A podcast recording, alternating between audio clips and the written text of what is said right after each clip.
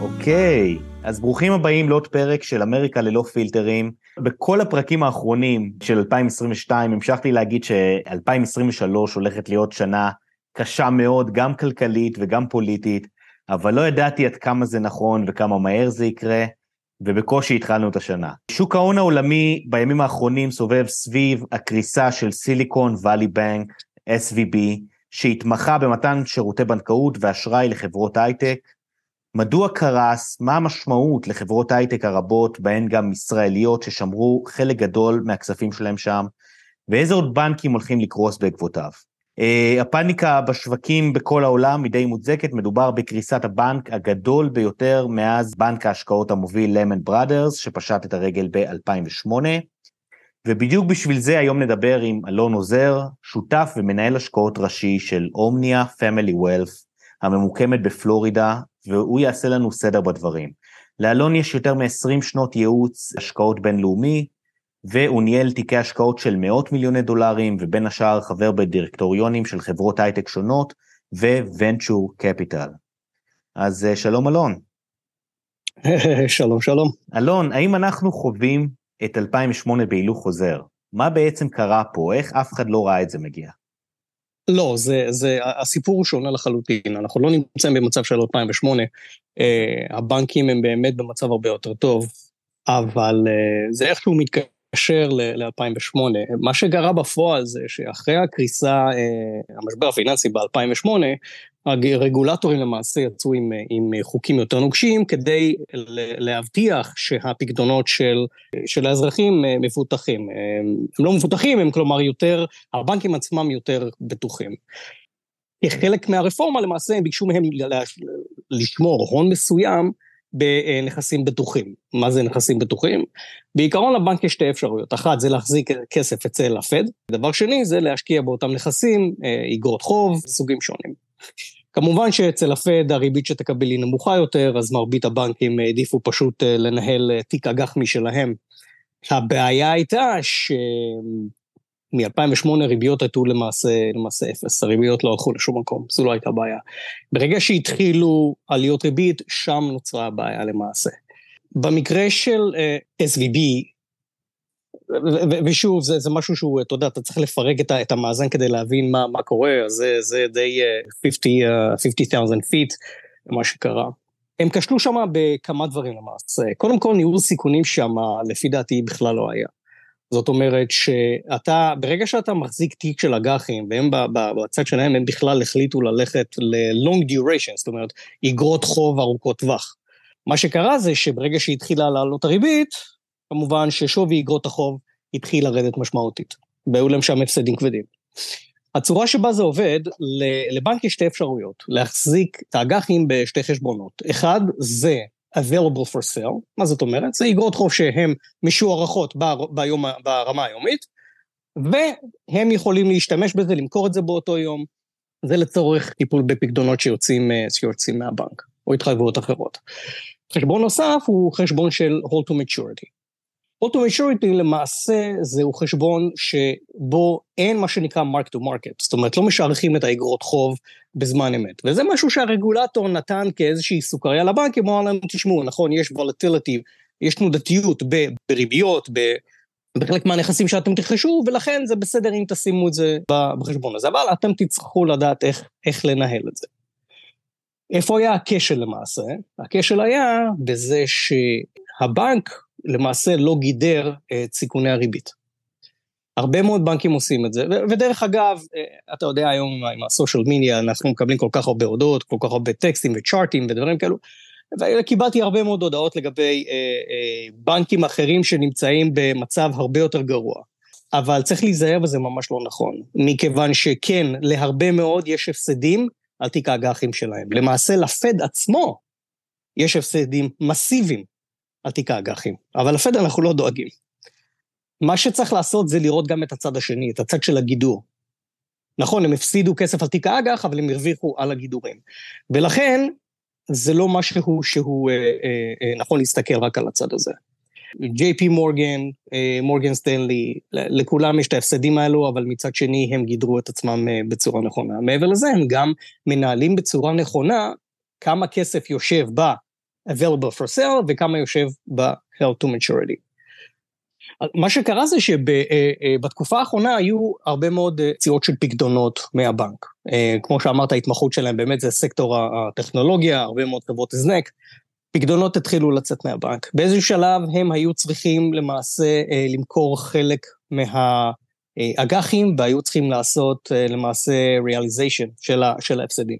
הבעיה היא שההפסדים היו כל כך כבדים, כן? שההון של הבנק נפגע משמעותית. וברגע שלקוחות ראו את זה, הם התחילו לחשוש, אוקיי? עכשיו, דרך אגב, כבר בדוחות הכספיים בדצמבר, שנה שעברה, היה פוטנוט שהראה את זה. אבל אתה לא יכול להאשים אה, אה, אה, לקוחות שהסתכלו על, על הדוחות הכספיים של, ה, של הבנק.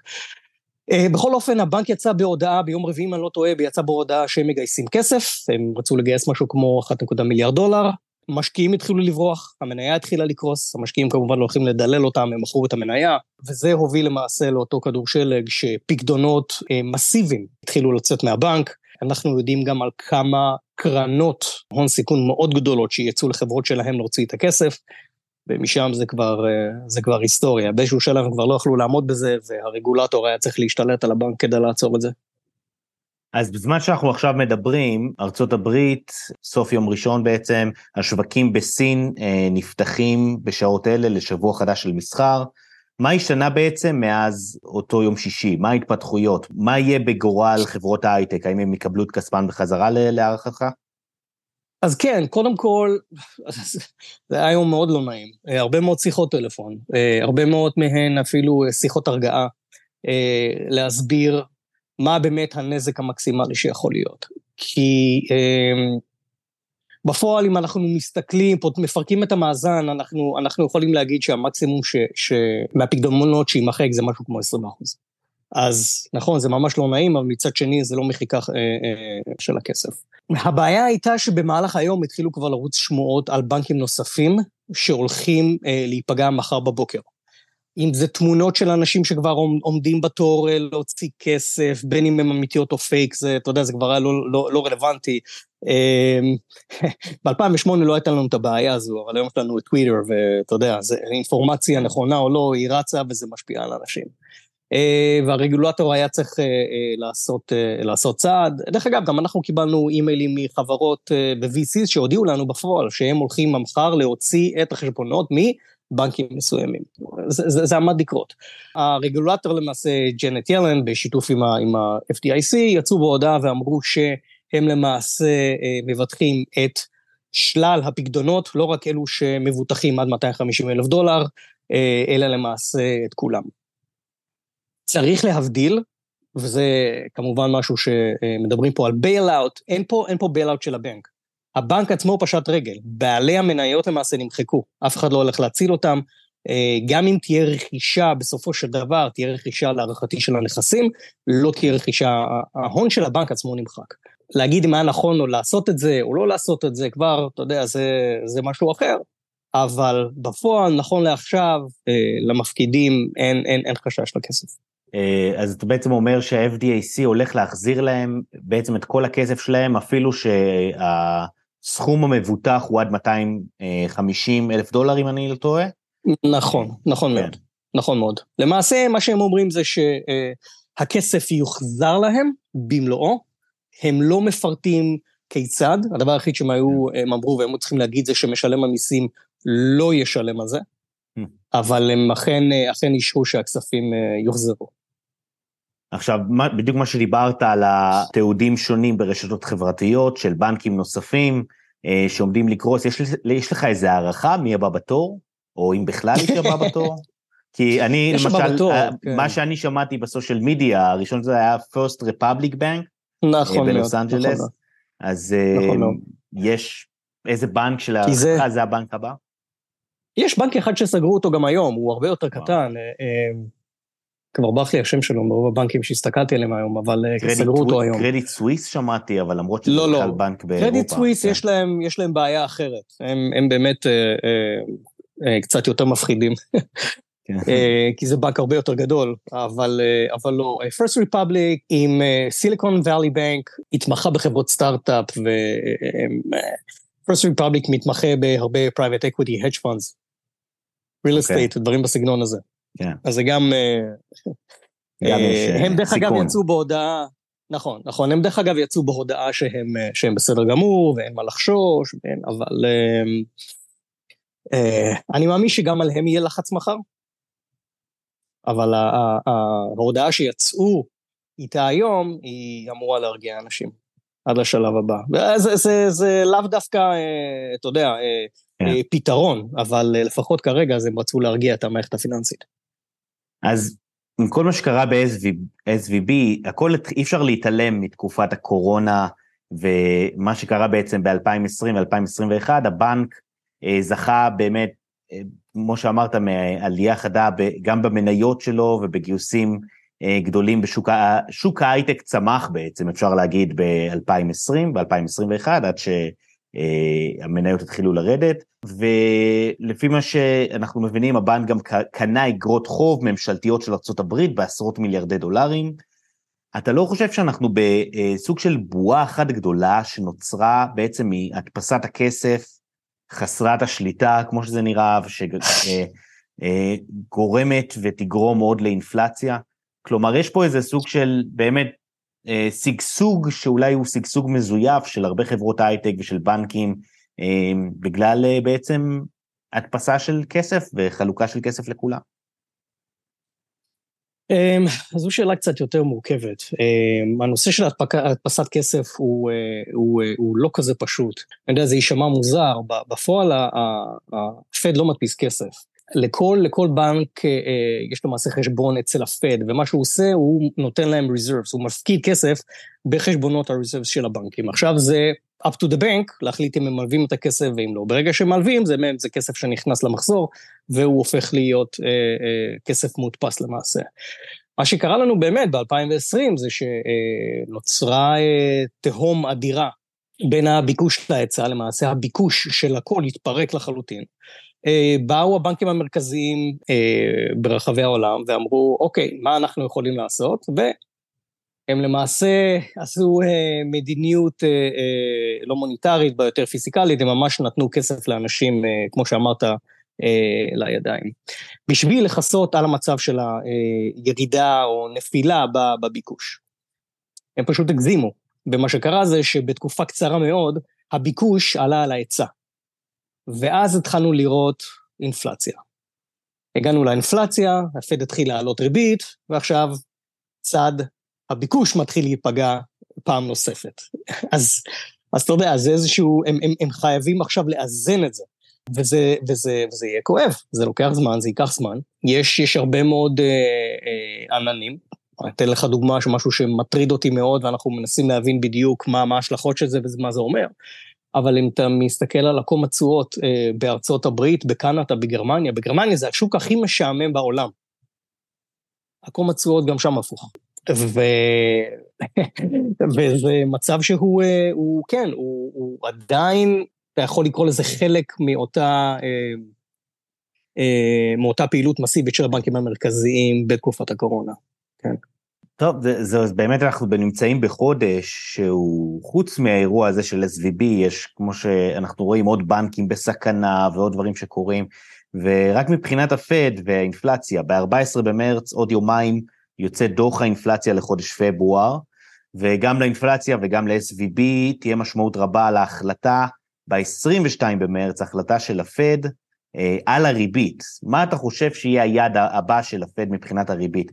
כי יש כבר שמועות, הוא, אה, עד עכשיו, עד לפני SVB זה היה אמור להיות אה, העלאת הריבית ב-50 נקודות, אה, חצי אחוז או רבע אחוז.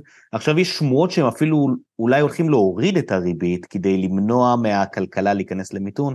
מה אתה חושב שהולך להיות בהחלטת הפד במרץ? כן, אתה צודק, השוק תמחר 60 אחוז של עלייה של חצי אחוז. זה ירד מהפרק כמובן, מדברים כרגע על 0.25. קשה לי להאמין שהם יורידו את הריבית, זה, הם יכולים להעלות, הם יכולים ליצור בעיה הרבה יותר גדולה yeah. כן. במקרה הזה, אבל השווקים מתמחרים בטווח הקצר על יד ריבית, בטווח הארוך הם מתמחרים באמת אה, אה, ירידה בריבית. ועכשיו אתה יכול לשאול את עצמך למה ירידה בריבית. לפד אין שום סיבה להוריד ריבית אם מצב הכלכלה בסדר. ולכן אתה יכול להניח שהשווקים רואים באמת משהו קצת מעבר לאופק, בעיות נוספות, ולכן הם אומרים נכון, בטווח הקצר הוא יעלה את הריבית, אבל אה, בטווח הארוך הריבית כנראה תרד. ואם אתה רוצה איזשהו אינדיקטור, אני חושב שהדרך שה, הכי טובה להבין מה הפד הולך לעשות זה להסתכל על האיגרת חוב אה, של ארה"ב לשנתיים, היא בדרך כלל מובילה את הפד. אה, יש כאלו שיגידו שאתה יכול לפטר את הפד ופשוט אה, להשתמש בטוויר. אז, אז, אז זה אינדיקטור שטוב להסתכל עליו כדי להבין מה השוק חושב לגבי, לגבי הריביות. אם אנחנו נראה את הטוויר, את התשואה עליה מתחילה לצנוח, אז אה, הפד יצטרך ללכת אה, בעקבותם. לא תמיד הם עושים את זה, וזה גורם למשבר. עכשיו, השווקים, השווקים בתל אביב, לעומת זאת, הם, לא, האמת לא לעומת זאת, הם ביחד עם מה שקורה בארצות הברית, ננעלו אתמול בירידות חדות, נכון. מעל 3 אחוז. ראש הממשלה ושר האוצר החליטו על הקמת צוות בראשות מנכ"ל האוצר, בנק ישראל ורשות לניירות ערך, גם רשות החדשנות. איך אתה חושב תהיה ההשפעה על ישראל, אני מניח בטווח הקצר, או איך אתה חושב שזה ישפיע על ישראל השנה? ישראל מדינה מאוד חזקה כלכלית, אבל uh, יש לה עקב אכילס, אין מה לעשות. אני מקווה שזה משהו שייפתר, אם uh, ברגע שאנחנו, יהיו לנו יותר הכנסות uh, גם מגז וגם מנפט, וגם, זה משהו שאני צופה שיהיה בהחלט.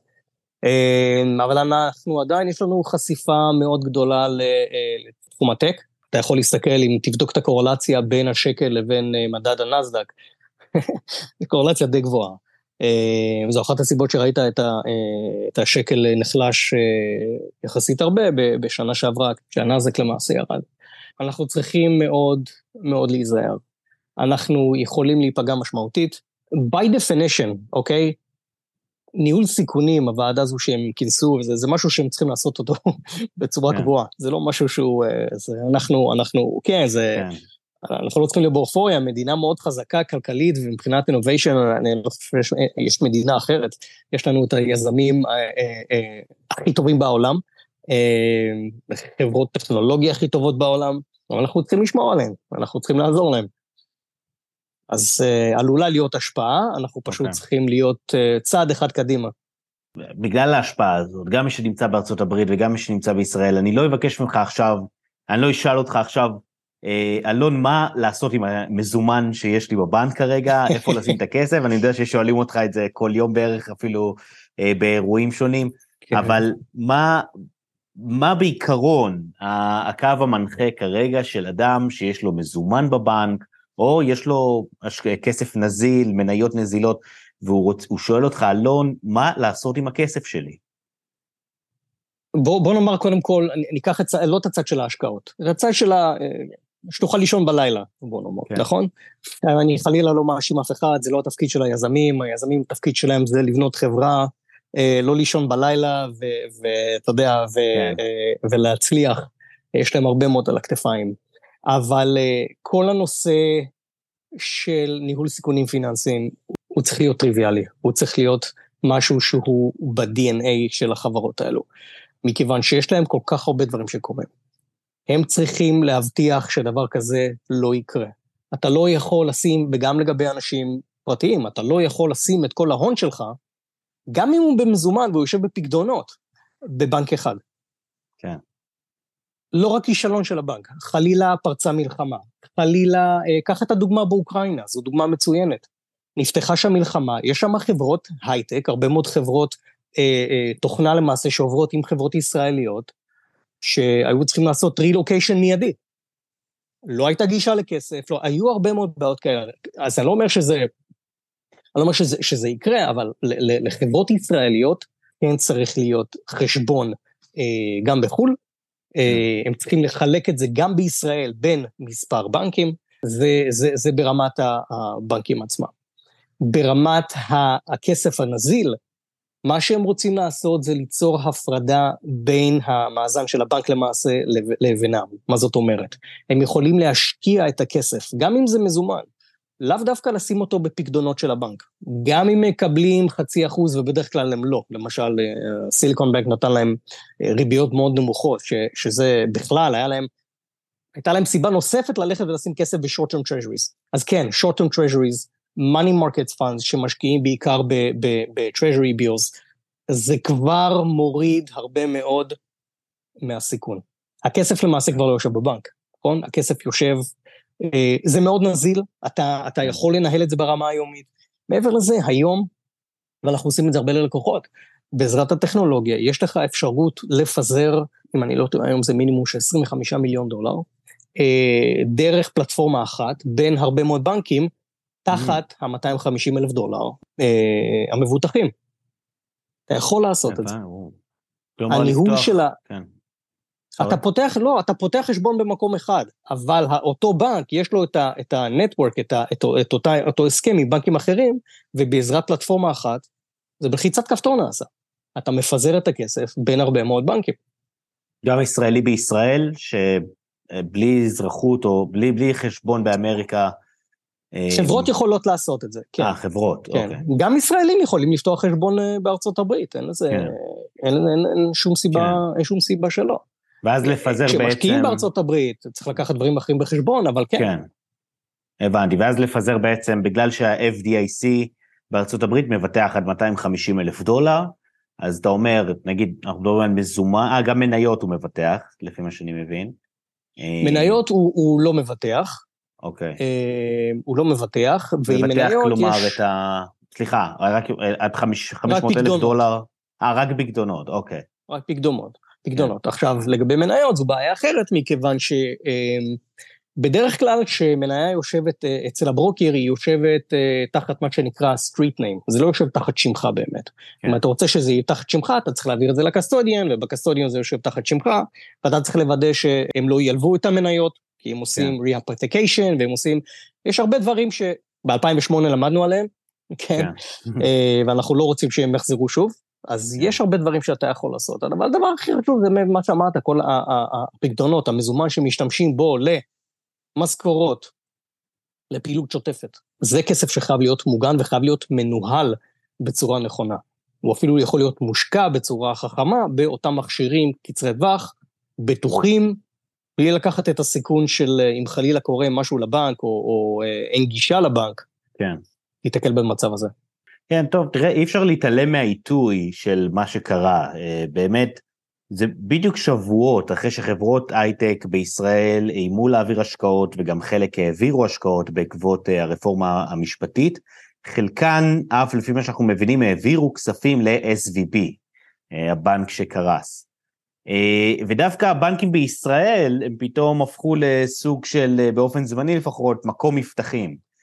אתה, מה אתה חושב על האירוניה הזאת, וגם מה באמת, מה אתה חושב על באמת המצב, אתה לא חייב להיכנס לקטע הפוליטי, אבל מבחינת הביטחון של הכלכלה הישראלית, עם כל הכותרות בעולם, או מה המשקיעים בארצות הברית, איזה הרגשה הם נותנים לך לגבי החשש להשקיע בישראל ובכלכלה הישראלית?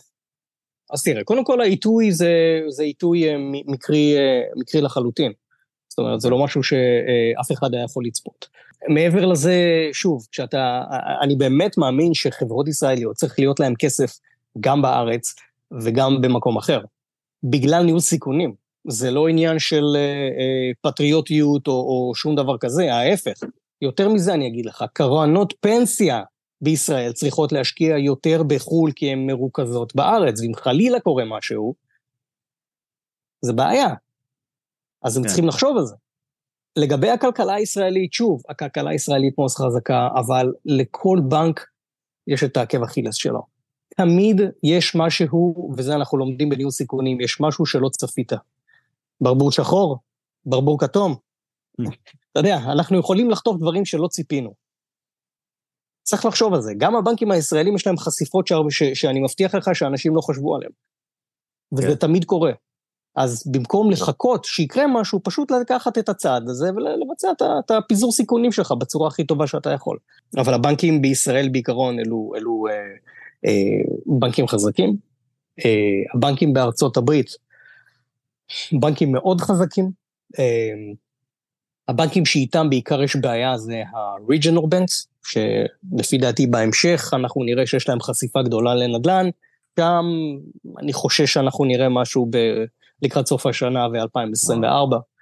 אבל, אה, אה, אבל שוב, אם אתה מנהל את, ה, את, ה, את הדפוזיט שלך בצורה נכונה, אה, לא צריכה להיות שום בעיה, לא, לא, אתה לא צריך להיקלע למצב כזה, בוא נאמר. לכל מי שרוצה לדעת עוד על מה שאתה עושה או להיעזר בשירותיך, איפה, איפה אפשר למצוא אותך? במיאמי. אמ, גם לקוחות ישראלים שחיים בישראל, או מי, מי בעצם כן, הלקוח האידיאלי שלך? הלקוח האידיאלי זה, אנחנו אה, מריצים multi family office, אז אה, זה, זה משפחות אה, בעלות הון, שאו שמנהלות עסקים כרגע, או שמכרו איזשהו עסק והיה להם אקזיט משמעותי, יזמים שעשו אקזיט מסוים, או שהם אפילו עשו אקזיט קטן. כל כך חשוב לדעת לנהל את הכסף שלך בצורה שהיא נפרדת מהחברה, כי יש, כן. וכתבתי על זה memo ללקוחות, אה, אתה חייב להפריד בין התיק האישי שלך לבין החברה, חשיפות mm-hmm. שונות. החברה, שם החברה זה Omnia Family Wealth, יכולים למצוא אותנו אה, דרך האינטרנט או, או לינקדאין. זהו. מצוין. אוקיי, אז אה, תודה רבה, אלון עוזר. באמת עזרת לך. לנו מאוד. ואנחנו סיימנו כאן, וניפגש ביום שני הבא, אמריקה ללא פילטרים. נתראה.